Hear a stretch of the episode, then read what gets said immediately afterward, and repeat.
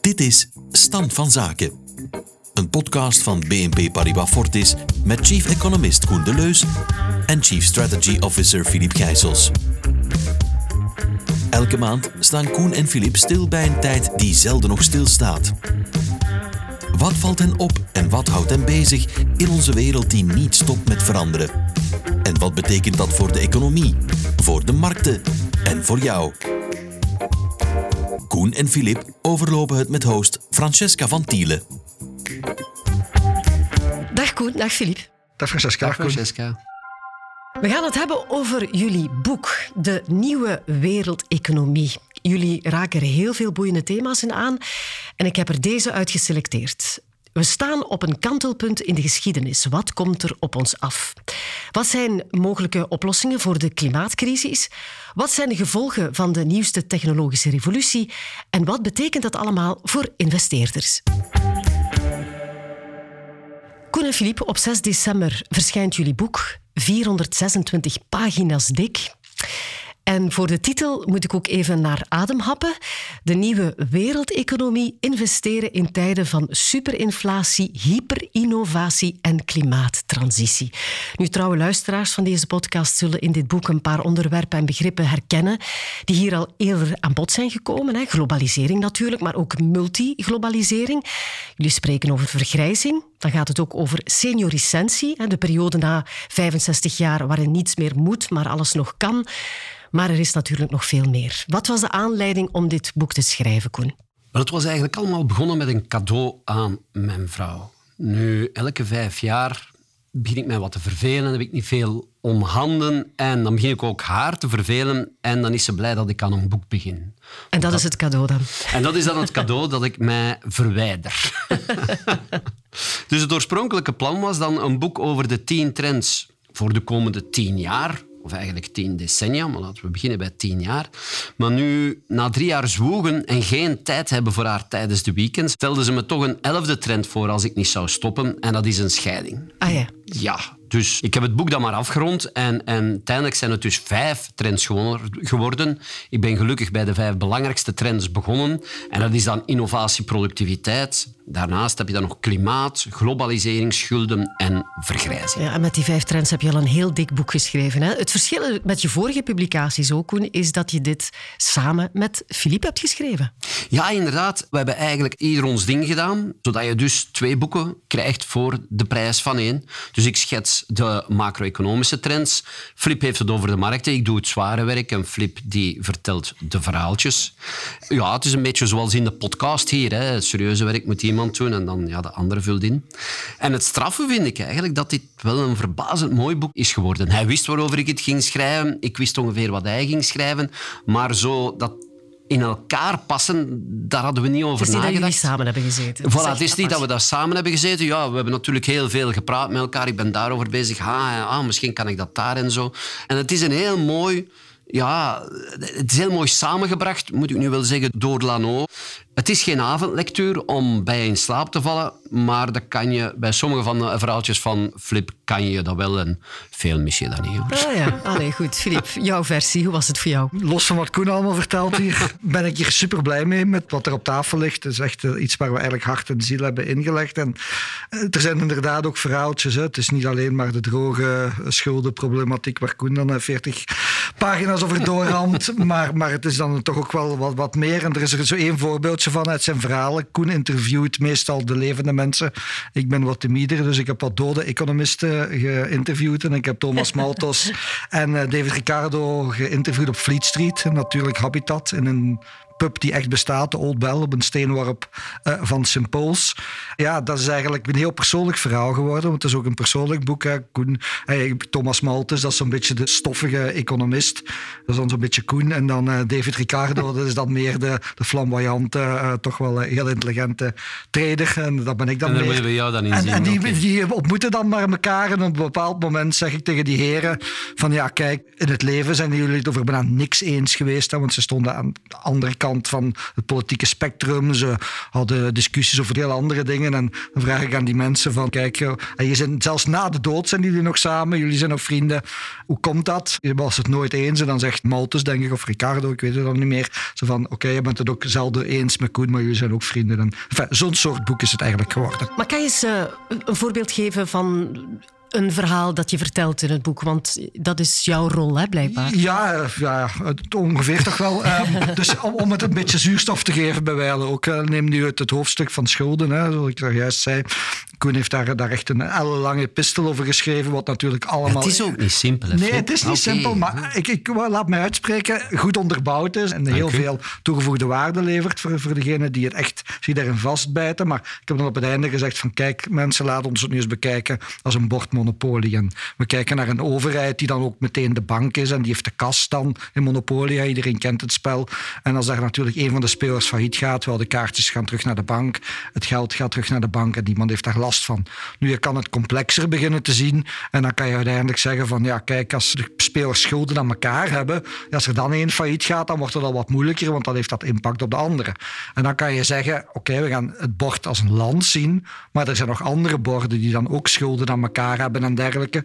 En zo wordt het, het systeem eigenlijk ingewikkelder. En wat we ook altijd proberen te doen, en dat is wat Koen zei, is dan op het einde van de rit staan ideeën om mee te nemen. Zowel economische ideeën als, als dan investeringsideeën. Was een investeringsidee erbij? Wel, het maakt mijn monopolie eigenlijk niet zoveel uit hoeveel biljetten er op tafel liggen. Het is toch uiteindelijk maar monopoliegeld. Maar aan het einde van de dag is het van wie zijn de straten, van wie zijn de huizen en van wie zijn de hotels. En dat is dan een investeringsinsteek van je moet eigenlijk in deze wereld van schulden investeren in real activa zoals vastgoed. En, en ja, zo zit dat hele boek eigenlijk een beetje in elkaar. En wat wil je nu met dit dikke boek, mag ik wel zeggen, wat wil je bereiken?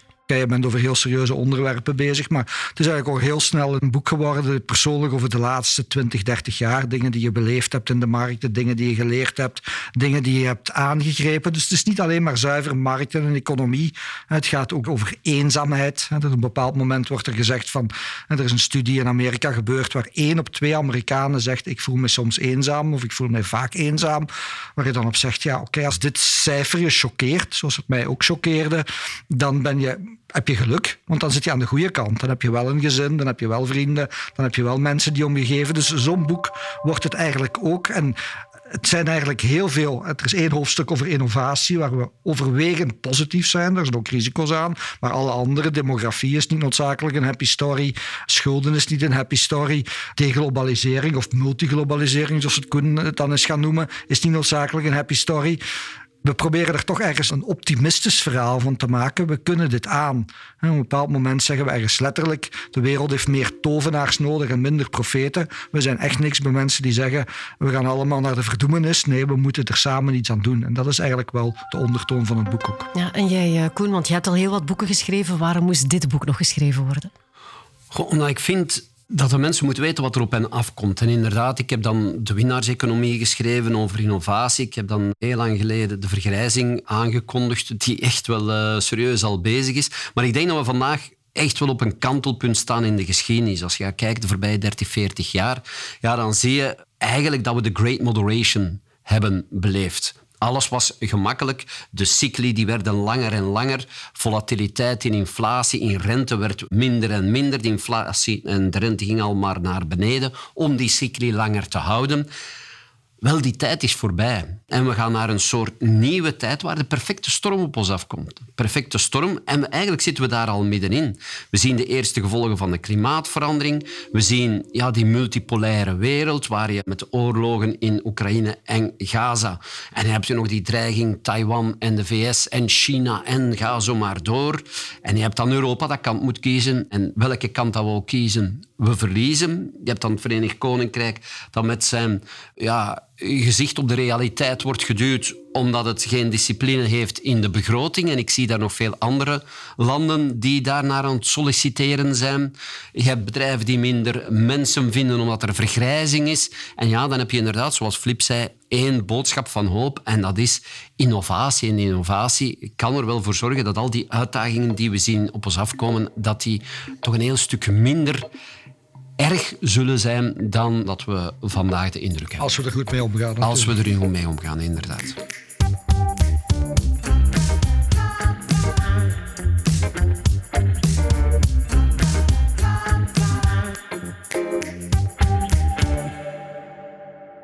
Laten we enkele thema's uit jullie boek uitlichten. De groeilanden bijvoorbeeld. Voor welke uitdagingen staan zij? Oké, de serieuze analyse dus. Ja, inderdaad. Oké.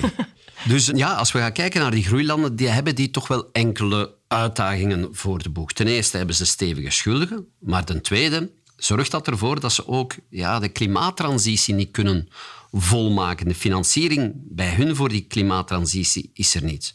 En nu, ik ben net terug van India, en daar gaan we later misschien nog eens over praten. En ik heb daar met mijn eigen ogen dat probleem kunnen vaststellen. Ze doen dan wel aanpassingsmaatregelen om die klimaatveranderingen en die gevolgen van die klimaatveranderingen, om die toch een beetje te dimmen. Maar anderzijds zie je dat voor het verminderen van de schadelijke effecten, de transitie naar de hernieuwbare energie... De mitigatie. Ja, de mitigatie, dat daar geen geld voor is.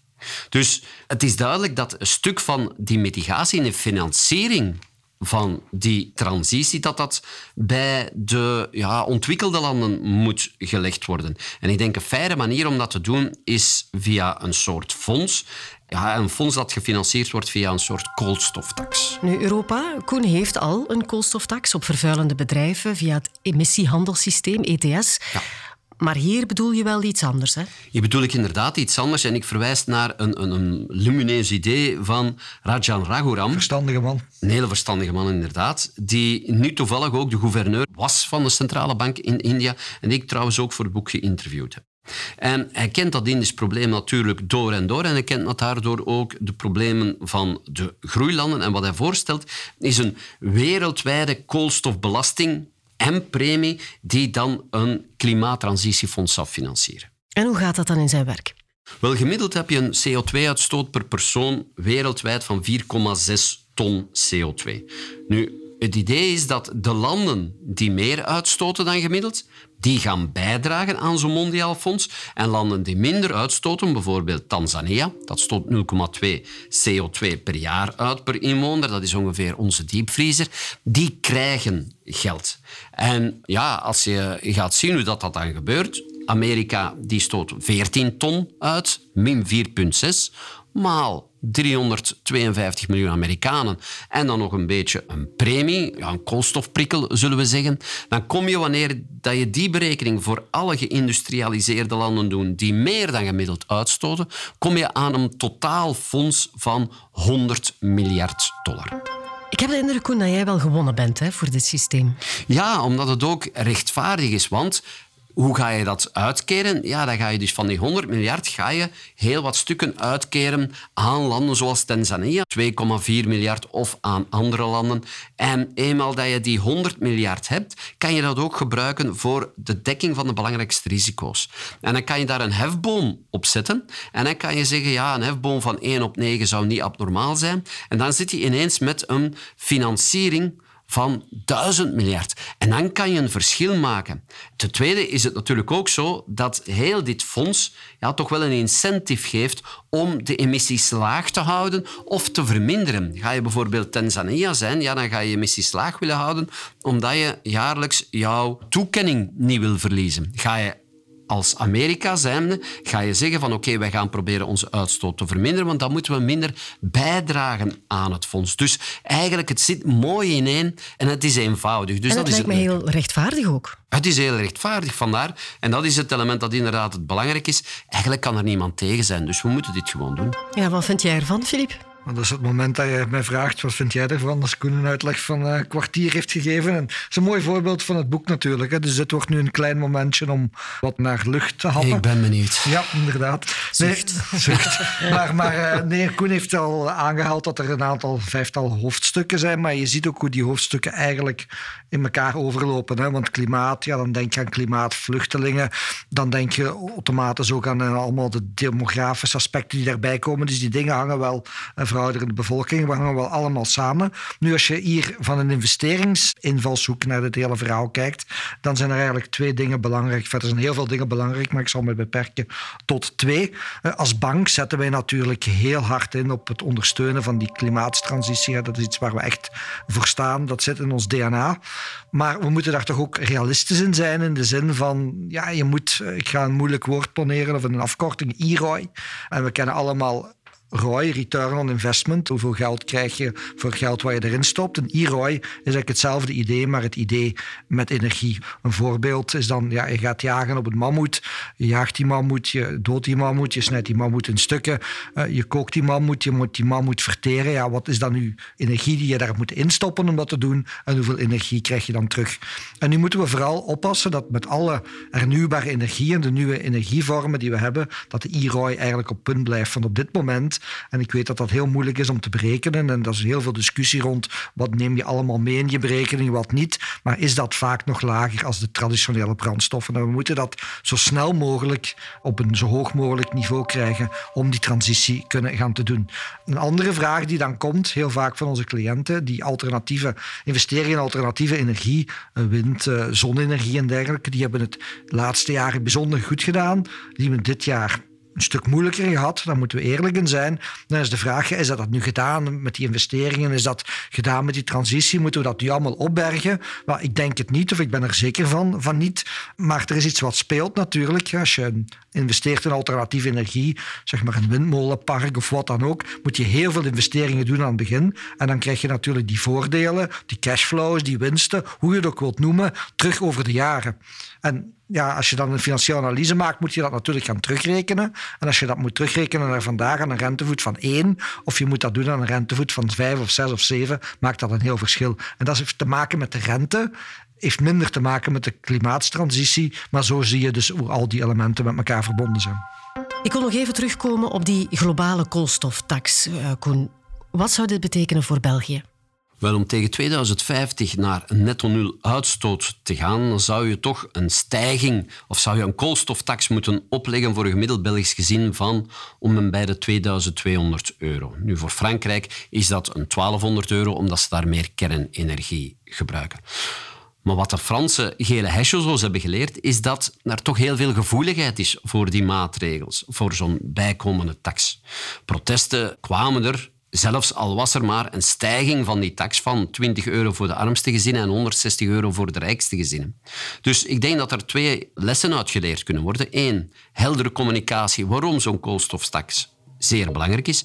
Ten tweede ja, moet hier toch wel een nieuw herverdelingsmechanisme gaan spelen, want heel veel van die armere gezinnen gaan dat bedrag niet kunnen ophoesten.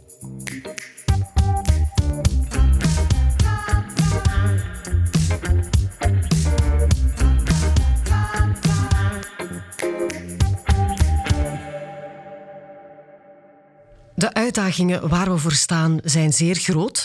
Er is het klimaat, vergrijzing, schuldproblematiek, de fragmentatie van de wereldeconomie.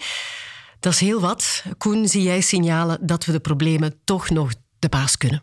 Wel, ik ben geen pessimist, ik ben ook geen optimist. Ik ben realist. Het is, het is wat het is. Jou, voilà. voilà. Ja, ja, ja. maar, de wereld, maar de wereld gaat volgens mij niet naar de verdoemenis.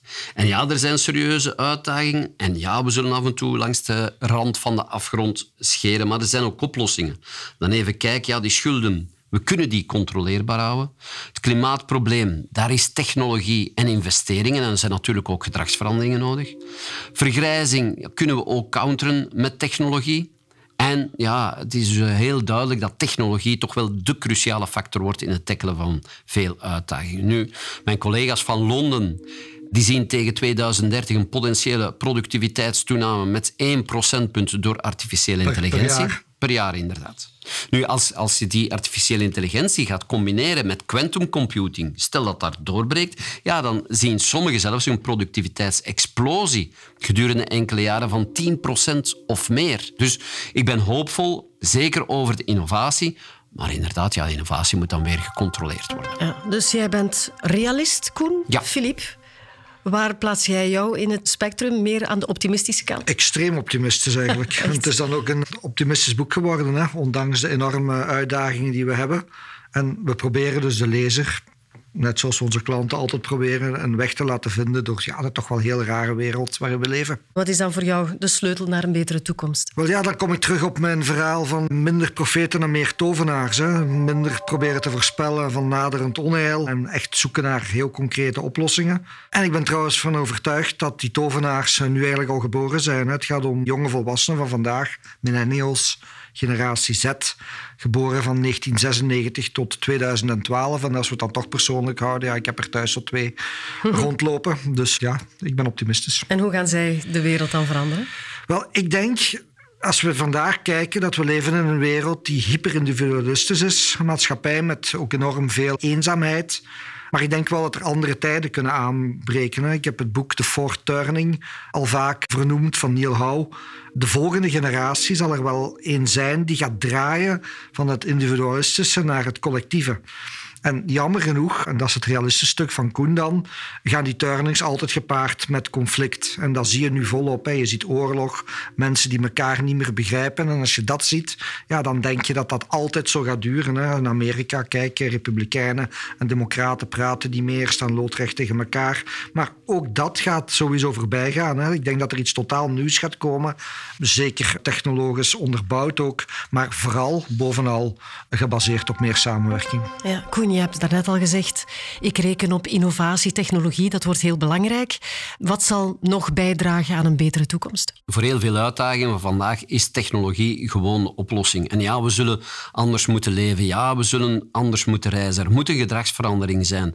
En we moeten ook producten maken zodat ze gebruikt en hergebruikt kunnen worden, dus de circulaire economie. Maar uiteindelijk zullen de batterijen de kernfusie, de nieuwe biologische of circulair geproduceerde producten zijn die de planeet gaan redden. Ja, en Filip, het is jouw taak om deze toekomstvisie te vertalen naar de investeerders. Wat zeg je dan? Ja, dat is relatief moeilijk en dat is inderdaad een vraag die cliënten ons iedere dag stellen. Ook de meest vermogende daarvan. En dan praten we over familiekapitalen vaak, eh, die echt op lange termijn kijken, die echt het geld en de kapitaal voor de volgende generaties willen veiligstellen.